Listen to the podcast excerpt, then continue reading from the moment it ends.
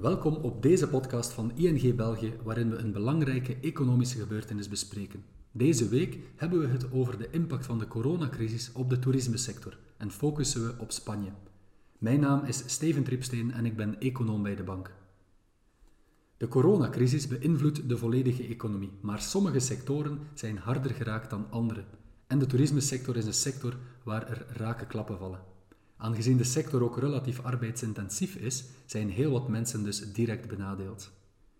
De toeristische sector is in sommige Europese landen goed voor een belangrijk deel van de economische activiteit. In Griekenland en Portugal is de sector goed voor ongeveer 1 vijfde van de economische activiteit. Geen wonder dat de inperkingsmaatregelen en het sluiten van de grenzen een grote impact hebben op de, deze economieën. We zoomen in op Spanje in deze podcast, aangezien voor dat land de cijfers het meest up-to-date zijn. In Spanje is de sector goed voor 15% van de economische activiteit. De cijfers voor de maand juli van het aantal overnachtingen door buitenlanders in Spanje winden er geen doekjes om. Na de strikte lockdown opende Spanje haar grenzen eind juni, net zoals andere Europese landen. Maar door de onzekerheid en de angst voor infectie kon hetzelfde aantal toeristen als vorig jaar nooit bereikt worden. Het aantal overnachtingen door buitenlanders in Spanje nam in juli dan ook toe in vergelijking met juni, maar bereikte slechts een fractie van het aantal een jaar eerder. Vorig jaar waren er ongeveer 28 miljoen hotelovernachtingen in de maand juli, dit jaar waren er slechts ongeveer 4 miljoen. Belangrijke Spaanse toeristische trekpleisters hebben dan ook maar een fractie van het aantal toeristen die ze normaal ontvangen. Zo waren er in juli 2019 bijna 2 miljoen hotelovernachtingen van buitenlanders in Barcelona.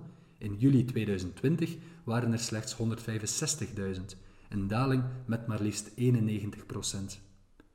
Door de toename van het aantal infecties sinds midden juli zijn de regels omtrent buitenlandse toeristen in Europa echter alweer verstrengd. Zo besliste het Verenigd Koninkrijk eind juli dat Britse toeristen die naar Spanje reizen 14 dagen in quarantaine moesten. Deze beslissing was een opdoffer voor de Spaanse toeristische sector, aangezien Spanje de populairste bestemming is van de Britten. Na de eerste golf, waarin Spanje bijzonder hard getroffen werd, slaat de tweede golf jammer genoeg erg hard toe in Spanje. Sommigen suggereren dat sociale normen, zoals fysiek contact en het samenwonen van grotere families met verschillende generaties, de tweede golf in Spanje kunnen verklaren. Toch lijkt ons dat niet waarschijnlijk. Ook in Italië zijn gelijkaardige sociale normen dominant en toch is de tweede golf er milder. Er zijn echter een aantal andere verklaringen voor het feit dat de pandemie vooral in Spanje aan snelheid wint.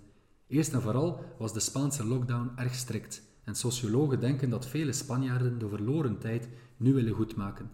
Het gedecentraliseerd politiek systeem maakt het ook moeilijker om een gemeenschappelijke nationale strategie te ontwikkelen.